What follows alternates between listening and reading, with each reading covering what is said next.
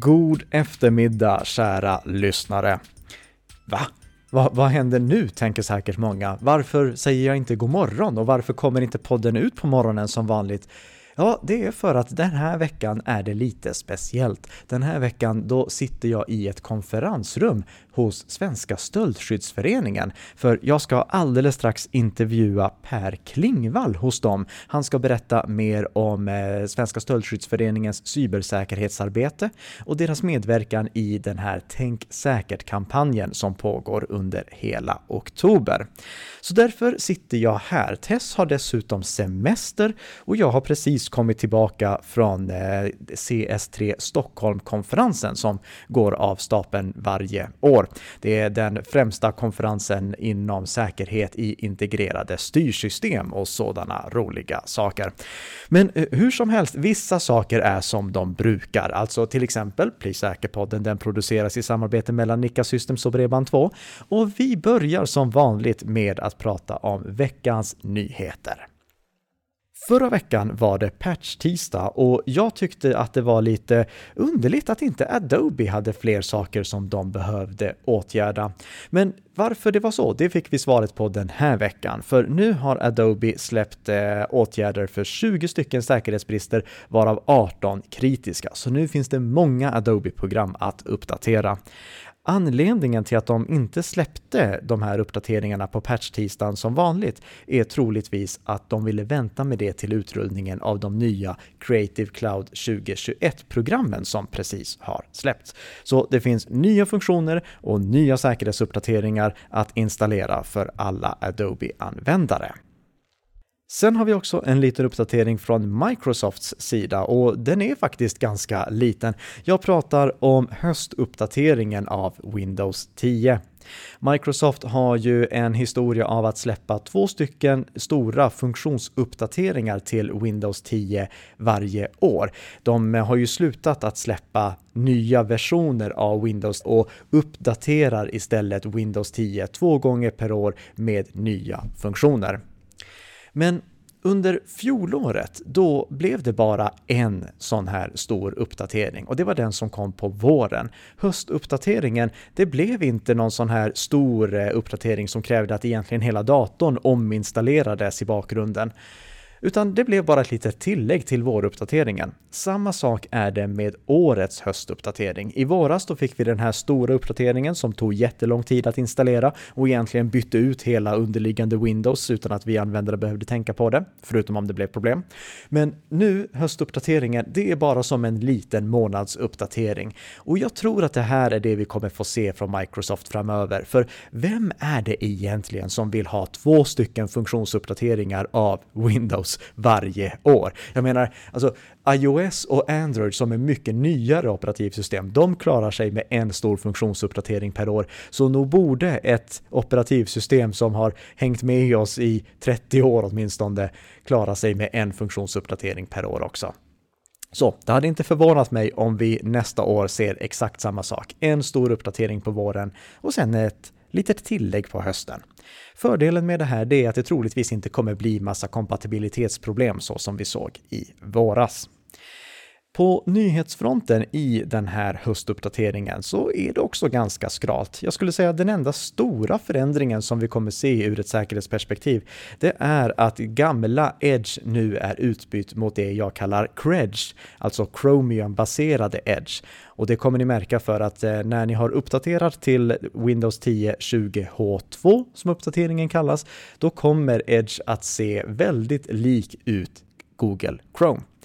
Och det är för att i grund och botten så är det eh, samma grund som Chrome och så har Microsoft bara bytt ut några av Googles tjänster mot Microsofts tjänster, till exempel en bättre pdf-visare. Och det är ju alltid någonting som är bra att ha i och med att vi rekommenderar att man inte installerar till exempel Acrobat Reader på sin dator ifall man inte absolut behöver det. Och testa jättegärna pdf-visaren som finns i nya Microsoft Edge. Den är riktigt trevlig så länge som man inte behöver göra väldigt avancerade saker. Sen skulle jag också bara vilja nämna en intressant sårbarhet, eller e-, en intressant bugg åtminstone, som har upptäckts i eh, många webbläsare, däribland Safari, alltså Apples inbyggda webbläsare i MacOS, iOS och iPadOS. Det är egentligen den största webbläsaren som påverkas av det här, men även till exempel Opera har påverkats av den här säkerhetsbristen eller buggen. Jag vet inte om vi ska kalla det säkerhetsbrist eller bugg, men hur som helst. Det som som säkerhetsforskaren Rafai Balok upptäckt, det var att han kunde få en webbadress att visas i webbadressfältet som inte hörde ihop med webbplatsen som visades i webbläsaren. Och det är ju väldigt anmärkningsvärt eftersom, så som vi tjatat om så många gånger här i Bli säker-podden, så är det domänen, huvuddomänen som står i adressfältet som vi måste kolla på för att säkerställa att vi är på rätt webbplats. Vi har ju tidigare pratat om många nätfiskeattacker som bygger på att någon luras in på en webbplats vars domän påminner om den äkta. Alltså det kanske är en felstavning eller någonting sånt som gör att det ser ut att vara den riktiga domänen men i själva verket inte är det. Låt oss säga att någon vill gå till Facebook och så eh, hamnar eh, han eller hon på en eh, domän som egentligen är Facebook med tre O. Där råkar han eller hon uppge sina inloggningsuppgifter och då har de därmed blivit kapade. En klassisk nätfiskattack. Det Rafai nu då hade lyckats göra, det var alltså att sätta upp en sån här klonad eh, nätfiskesajt exempelvis på en falsk domän men ändå få Safari och de andra påverkade webbläsarna att visa den äkta domänen. Alltså inte den domänen som hängde ihop med nätfiskesajten, utan den domänen som nätfiskesajten ville anspela på. Han kunde alltså få någon att besöka en nätfiskesajt för exempelvis Facebook eller Bing eller någonting sånt och då samtidigt låta det stå facebook.com eller bing.com i adressfältet. Väldigt anmärkningsvärt. Sättet han lyckades med det, det var att eh, hela tiden ladda om en anslutning till den riktiga domänen, till den riktiga webbadressen, så att adressfältet visade den domän eller den webbadress som webbläsaren var på väg till istället för den som faktiskt en webbplats visades från, eller en webbsida visades från. Väldigt smart lösning. Jag lägger med en länk i våra show notes ifall ni vill veta mer om hur det här fungerade. Apple har åtgärdat den här säkerhetsbristen eller buggen så den går inte att göra längre så länge som man har en uppdaterad webbläsare. Och för att man överhuvudtaget ska ha hamnat på en sån här nätfiskesajt som eh, klonar och visar den äkta domänen eller den äkta webbadressen i adressfältet så måste man på något sätt ha lurats dit från första början, till exempel genom att klicka på en länk i ett mejl. Så här kan vi återigen repetera att det är viktigt att inte klicka på länkar som kommer i obeställda mejl. Och när det gäller själva länken i mejlet som då hade kunnat leda in på en sån här nätfiskesajt, den länken kan inte ha innehållit den äkta domänen. Den måste alltid ha innehållit en nätfiskedomän eller en sån här kortlänk exempelvis som i sin tur har lett in besökaren på en nätfiskesajt. Med anledning av just Safari-uppdateringar kan det också vara värt att nämna att eh, den senaste säkerhetsuppdateringen till Safari, den är släppt till eh, iOS 14 och senare. Det innebär att det troligtvis nu är slut för säkerhetsuppdateringar till iOS 12 och det innebär i så fall att iPhone 5S iPhone 6 och iPad Air går i graven. Vi kommer att hålla ett öga på hur Apple eh, sköter uppdateringarna av de här mobilerna, för Apple kommunicerar ju inte ut när de slutar underhålla specifika mobilmodeller, men det ser ut nu som att det är slut för dem. Apple upp, uh, underhåller fortfarande MacOS High Sierra och senare, alltså MacOS 10.13 och senare. Men de har inte släppt senaste Safari till MacOS High Sierra, så nu börjar High Sierra-datorerna också att sjunga på sista versen. Och om man är kvar på MacOS High Sierra och inte har uppdaterat till en version senare, alltså MacOS Mojave eller 10.14, då bör man använda en annan webbläsare än Safari från och med nu. Då välkomnar vi den tredje och sista gästen i vår lilla specialserie om Tänk säkert-kampanjen. Jag säger välkommen till Per Klingvall från Svenska Stöldskyddsföreningen. Tack så mycket Karl-Emil. Roligt att du vill komma hit till eh, våra lokaler så vi får chansen att ja. spela in det här. Jo, det, det blev ju lite speciallösning nu när vi släpper podden på eftermiddagen och sånt. Kanske någonting som våra lyssnare känner sig lite obekanta med, men det blev ett poddavsnitt i alla fall och det är huvudsaken. Mm, och det ser vi fram emot. Ja. Kan inte du börja med att presentera dig och vad, du gör på Svenska Stöldskyddsföreningen? Mm, jag heter som sagt var Per Klingvall. Eh, på Stöldskyddsföreningen så är jag chef för eh, rådgivningsverksamheten och i den så innefattar det också att vara ansvarig för den information vi, vi skickar ut och ansvarig för public affairs eller opinionsbildande verksamhet som man brukar säga ibland också. Mm. Så att man kan säga huvuddelen av mitt jobb det är att vara ansvarig för den ideella verksamheten på Strålskyddsföreningen. Och de viktigaste delarna där det är ju den, den rådgivning som vi gör till allmänhet och småföretagare som är vår målgrupp. Ja, och just att det är den målgruppen som ni vänder er till, det, det var inte någonting som jag tänkte på när jag liksom började fundera på vad vi skulle diskutera om med Svenska Stöldskyddsföreningen. För att i min lilla värld då har Svenska Stöldskyddsföreningen generellt varit de som ger ut klistermärket som jag satte på cykeln när jag var liten. Jo, men det stämmer. Och jag har jobbat här i, i, i tre år. Det var, det var ju min bild också av Stöldskyddsföreningen. Eh, på 80-talet så fick jag också det här märket på min cykel. Polisen kom till skolan och så graverade de in mitt personnummer och så fick jag en klisterlapp. Mm. Men, men Ståskyddsföreningen är ju så mycket mer eh, än det här eh, klisterlappen. Däremot så ögat är väldigt viktigt för oss för att det, det, är ju det som man känner igen och det är det vi vill förflytta lite grann så småningom. Och vi ska ju återkomma till det lite grann, att förflytta det det som varumärket lite grann. Ja.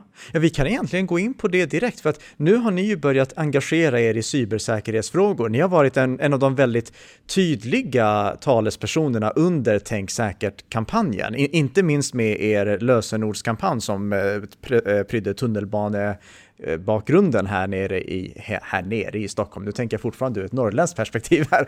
Eh, här i Stockholm där vi befinner oss. Men eh, hur kommer det sig att ni har börjat intressera er för cybersäkerhetsfrågor? Mm, grunden i Störskyddsföreningsarbete det är, det är att vi jobbar med, med trygghet. Mm. Och, och för vår del så manifesteras det trygghetsarbetet av att vi jobbar mot allmänhet och småföretag i det som man förenklat skulle kunna kalla för, för vardagsbrott. Vardagsbrotten den har ju traditionellt sett varit stöldbrott och det stora avtrycket vi ger då förutom kanske de här klisterlapparna det är ju grannsamverkan. Där syns vi ju jättemycket på skyltar runt omkring.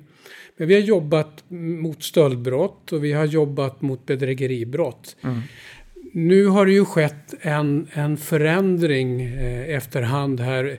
Jag skulle vilja påstå framförallt efter 2010 där brottsligheten förflyttas ju från den fysiska världen. Ser, om man generaliserar man så ser vi att villainbrotten minskar. Bilinbrotten minskar. Men däremot så ser vi att det, det som påverkar människors vardag idag det är ju brottsligheten över internet. Det ja. som vi väljer att kalla för de digitala brotten. Och det är ju helt enkelt grunden till den förflyttning eller förändring vi gör. Ja, jo, precis som eh, med allt annat som vi digitaliserar. Brottslingarna, de digitaliserar sig också. De ser till att dra nytta av oss i de situationerna där vi befinner oss. Och när vi befinner oss allt mer i digitala sammanhang, då går brottslingarna dit också. Ja, definitivt. Och det, det, det, vi ser det väldigt tydligt på det är ju den det är framförallt den organiserade brottsligheten. Mm. Eh, den, den utvecklas ju i takt med omvärlden. Och den har ju en väldigt tydlig gren här nu när det gäller cyberbrott. Ja. Och sen det är klart det finns andra typer av, av cyberbrott också som är mer nationsbundna. Men vår del av det hela det är ju att vi vill öka tryggheten för, för allmänheten och människor och, och kunna bli bättre på att förebygga så mm. att man slipper drabbas av de här. Kan du berätta hur, hur ni jobbar med de sakerna? Hur, hur försöker ni förebygga? Mm, det, det, vi tittar tillbaks här, så förra året så begick, begicks ungefär 250 000 vad vi kallar för digitala brott. Och det är, det, det är i huvudsak bedrägerier. Mm. Det sätt vi jobbar på det är att vi tittar och analyserar vad är det som orsakar den här typen av brott. Vad är, vad är det för modus? Och då, då kan man ju identifiera egentligen några saker. Det, det väldigt mycket handlar om, om phishing och smishing, det vill säga nätfiske av olika slag. Ja. Det handlar om eh, intrång för att man har ett för dåligt lösenord. Det, det handlar om att man eh, blir av med pengar på sitt bankkort som någon har stjält. Utifrån den delen så tittar vi på men vad kan vi hjälpa allmänheten med. Och, och, det som vi traditionellt har jobbat med det är ju att ge råd via vår hemsida, vår kundservice, det vill säga vår personliga rådgivning och via media. Mm. Men nu efterhand här, nu, nu, tycker både vi och vår styrelse att vi måste jobba mer mot det här för att det här eskalerar. Och därför gör vi nu, eh, dels gör vi olika kampanjer och sen så kommer vi göra flera olika aktiviteter då för att minska de här. Men framförallt så handlar det om att, att bygga kunskap hos allmänheten och, och, och, få ett förändrat beteende i slutändan. Och det sista är mycket svårare än att informera. Ja, jo, det, det råder det inga som helst tvivel om. Och ni har gjort flera sådana här saker som syftar till att eh, stärka cybersäkerhetsmedvetenheten och även att hjälpa framförallt mindre bolag att eh, få koll på vad de behöver göra, till exempel då genom den här normen som ni har tagit fram, SSF 1101. Det, det var för två år sedan ni släppte den va? Mm, det stämmer bra. Vi, ja. vi började jobba på den eh, 2017 när vi såg att det fanns ett glapp. Jag menar, det finns en jättebra ISO-norm 27001. Mm fantastiskt bra. Men det svåra med den, det är ju det är för de mindre företagen att kunna certifiera sig den, att kunna följa den.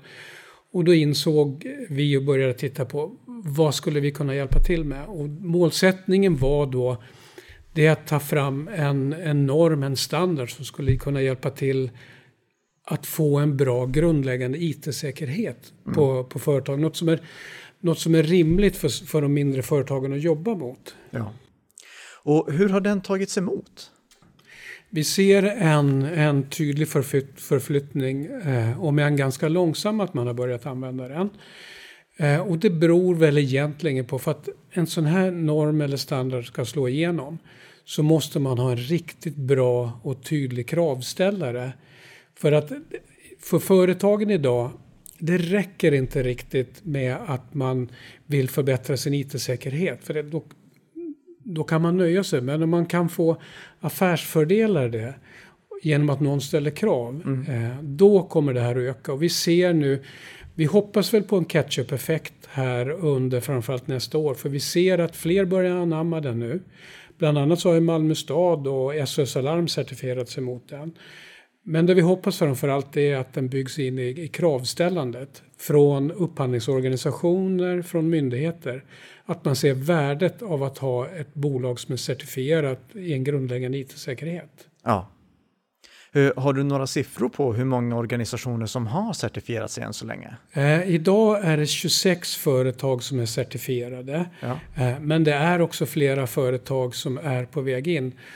Och även om det är en grundläggande IT-säkerhet så, så, ska man ju inte tro att det är, är jätteenkelt att certifiera sig. För det här den här normen ställer ju krav. Den ställer krav på, på hur man hanterar behörigheter, hur man hanterar program och vad man får göra som anställd och inte. Mm. Och, och, och, det tar också tid att bygga upp det, det så att man kan certifiera sig. Ja. Men de som har gjort det är väldigt nöjda och glada att de har gjort den. För de har fått en bra genomlysning av sin verksamhet också. Ja.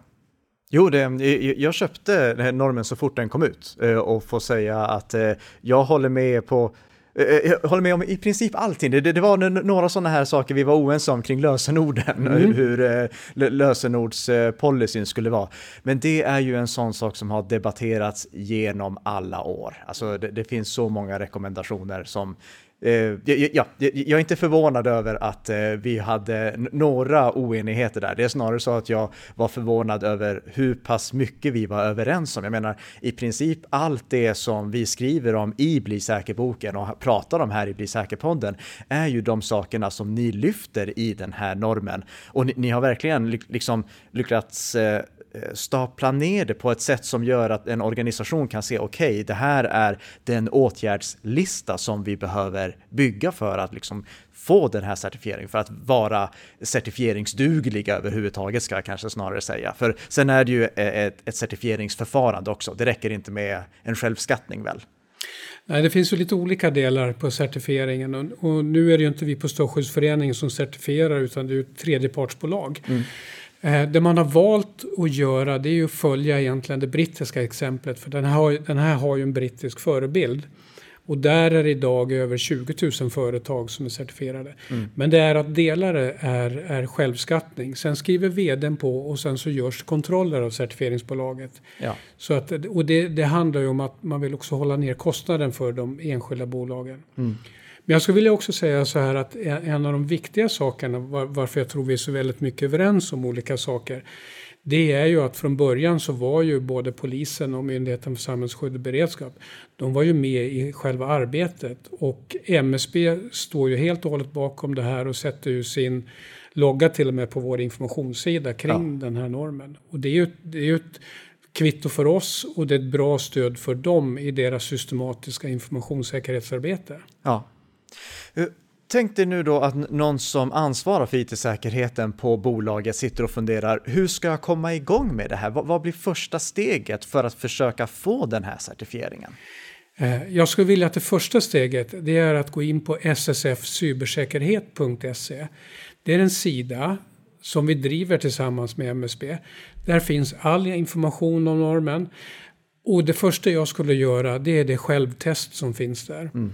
För gör man det självtestet då får man en uppfattning om ungefär hur ligger man till. Utifrån den skattningen man gör där då skulle jag gå in och läsa på den information som finns där och så titta vad kan jag göra själv av det här? Och finns det någonting som jag behöver extern hjälp med? Mm. Ja, men det är ju inte bara organisationer vi ska prata om här. Vi ska också prata lite om privatpersoner och privatpersoner, de behöver inte certifiera sig för att följa normen SSF 1101, men de har en hel del annan bra information som de kan ta del av från er på Svenska Stöldskyddsföreningen. Och då tänker jag bland annat på det som ni har gjort i samband med Tänk säkert-kampanjen, men också på faktumet att ni tjuvstartade lite med en helt egen kampanj redan under september. Ja, nej men vi tycker det här, för, alltså allmänheten är ju vår viktigaste målgrupp, eller kund hur man ska uttrycka det. Mm. Och då identifierade vi eh, lite olika saker. Det här vill vi nå ut till, till allmänheten med. Och det, det, finns nu, och då tjuvstartade det ska man säga. Det beror faktiskt helt enkelt på en, på, på en sak. Det är att vi tog kontakt med många medieföretag och sådana som annonserar det här. Och de tyckte det här, det här är så pass viktigt så, så att vi bjuder på väldigt mycket av kostnaden om ni lägger det i den här perioden. Mm. Så därför handlade det i augusti. Vi fick, av medieföretagen så fick vi ungefär ett, ett värde av 6 miljoner kronor som gjorde att vi kunde nå ut med det här på ett helt annat sätt än vad vi kunde ha gjort tidigare. Ah, Okej, okay. då, då förstår jag att ni inte väntade med det till oktober. Men nu börjar vi ju närma oss slutet av oktober. Hur tycker du att eh, mottagandet och uppmärksamheten eh, kring Tänk säkert-kampanjen har varit? Jag, jag, tycker att Tänk säkert-idén är väldigt bra. Vi har varit med där i flera år. Eh, och jag uppfattar att det blir bättre och bättre genomslag och det är fler och fler organisationer som är med och stöttar det här. Det, det tycker jag är det allra bästa med det här. Sen skulle ju jag egentligen vilja se att Tänk säkert-kampanjen, det, det är ju någonting som man bedriver kontinuerligt. Eh, vi på Strålskyddsföreningen, vi, vi försöker ju, det vi gör, det gör vi kontinuerligt över året och vi försöker ju nu få till här ett samarbete som man kan bedriva över hela året. Det tror jag kommer vara lösningen för att det här kommer bli ännu bättre. Mm. Men jag vill ändå poängtera, jag tycker Tänk säkert-kampanjen är jättebra och eh, framförallt de som har sett den tycker att ja men det här är bra initiativ. Ja. Och nu är ju fokus mest på, på företag i år då. Ja. Tidigare har man ju kunnat gjort filmer och sånt där också, men, men, men jag tycker Tänk säkert är bra. Du, du, du, du sa att du hade något initiativ på gång där, att det, var något samarbete på gång. V vad är det? Kan, kan du berätta någonting om det redan nu? Ja, jo, vi har tagit ett initiativ och där har vi bjudit med polisen och Internetstiftelsen. Så vi skapar nu en, en varningsgrupp, en, man kan säga en privat offentlig samverkansgrupp där man kommer samla in information om alla digitala brott som pågår. Och vi har, när, vi skrev, när vi nu eh, spelar in det här så har vi genomfört första mötet och vi har fått en fantastisk respons på det. Vi har med många myndigheter, eh, vi har fått med väldigt många branschorganisationer som Svensk Handel, Svensk Försäkring, Bankföreningen. Vi har alla storbanker har varit med på mötet. Vi har betalningsföretag som Klarna som kommer. Vi har Facebook och Google som har varit med. Ah, Eh, Vi har också telekombolag. Så att det här eh, är någonting som vi tror på. Syftet med den här gruppen nu, det är egentligen att samla in information.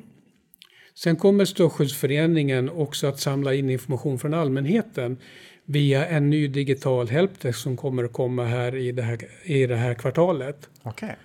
Och utifrån det sen så är tanken att, att vi ska kunna ge mycket bättre varningar till allmänheten. För idag så finns informationen spridd på många olika platser. Men vi vill ju samla ihop den här informationen och kunna nå ut med det i mycket tydligare kanaler. Ja. Och det här kommer då ligga på Svenska Stöldskyddsföreningens webbplats också, eller? Ja, vi, kom, vi kommer att lansera den här eh, inom, eh, inom Q4 som sagt för så att då, man kommer att kunna nå den via oss. Intressant. Är det här någonting som är unikt för Sverige eller ser vi sådana här breda samarbeten i andra länder också? Vi har hämtat eh, inspiration från två platser framför allt. När det gäller själva den helpdesk som vi jobbar med nu så har vi hämtat inspiration ifrån Holland, Fraude Helpdesk. Och när det gäller att organisera själva den här varningsgruppen så har vi hämtat inspirationen från Danmark. Som, de har visserligen en app, det är inte säkert det är den vägen vi kommer att gå. Men, men som heter Mitt digitala självförsvar. Och det är framförallt den inspiration vi har hämtat där. Det, det är betydelsen av att ha en, en bred samverkan för att kunna få så bra information som möjligt. Och, och ha också ett forum att diskutera de här sakerna. Ja. Jag ser fram emot att det lanseras. Skulle du avslutningsvis kunna bara dela med dig av de bästa råden som ni på Svenska Stöldskyddsföreningen vill skicka med till våra lyssnare? Vad ska de tänka på för att leva ett säkert digitalt liv? Ja, och, det här riktar sig framförallt till allmänheten men man har nytta av det som företagare också. Det finns, kan, man, kan man hantera tre saker här nu då kommer man att minska risken för att bli utsatt för brott avsevärt. Och det första jag skulle vilja säga det är att ha ett starkt lösenord. Och egentligen så skulle jag vilja använda ordet lösenordsmening för att Karl-Emil och jag vi är väldigt överens numera om hur lösenord är. Eh, sen skulle jag också vilja säga att låt bli att klicka på länkar som du inte känner igen. För då minskar du verkligen risken för intrång. Och, och är det för bra för att vara sant på en sån här länk, då är det oftast det. Det är för bra för att vara sant, du blir lurad. Ja, Den, allra tre, den tredje saken, den är kopplad till egentligen den största orsaken till och som polisanmäls när det gäller digitala brott. Det är det här att någon har kommit över ditt bankkort. Spärra ditt bankkort för internethandel så att du bara öppnar det när du behöver handla. Då kommer du inte att drabbas. Och om ni tycker att de här rekommendationerna låter lite bekanta så här efter 90 avsnitt, så är jag inte förvånad, för det är samma rekommendationer som vi i princip ger i vartenda avsnitt. Men det är jättekul att höra att ni på Stöldskyddsföreningen, som också når ut på ett sånt här fantastiskt bra vis, eh, har de här rekommendationerna. För att det är inte mycket som krävs för att man ska kunna uppnå god IT-säkerhet om man bara bestämmer sig för att ta tag i det. Det går inte att göra allting på en och samma gång, gång. Men nu har vi fått tre stycken rekommendationer här. Börja med att ta tag i dem så har ni kommit jättelångt. Det vill jag lova. Eh, per Klingvall, stort tack för att du tog emot oss så här på fredags eftermiddagen och för att eh, jag fick låna ditt konferensrum för att spela in det här lite udda avsnittet eh, rent ljudmässigt av Bli säker-podden. Om man vill veta mer om Svenska Stöldskyddsföreningen, vart går man då? Då går man till www.ståldskyddsföreningen.se eller också tar man kontakt med mig per.klingvall ståldskyddsföreningen.se. Oh, direktkontakt till och med med veckans gäst. Det var inte dåligt. Stort tack för att du medverkade Per och stort tack till alla ni som lyssnar på Bli säker-podden. Och speciellt till alla er som skickade frågor i morse om var är veckans poddavsnitt? Ja, det, det, blev lite senare, men det kom i alla fall ut till slut. Och med det sagt önskar jag er alla en riktigt trevlig helg. Vi hörs nästa vecka igen. Hej då!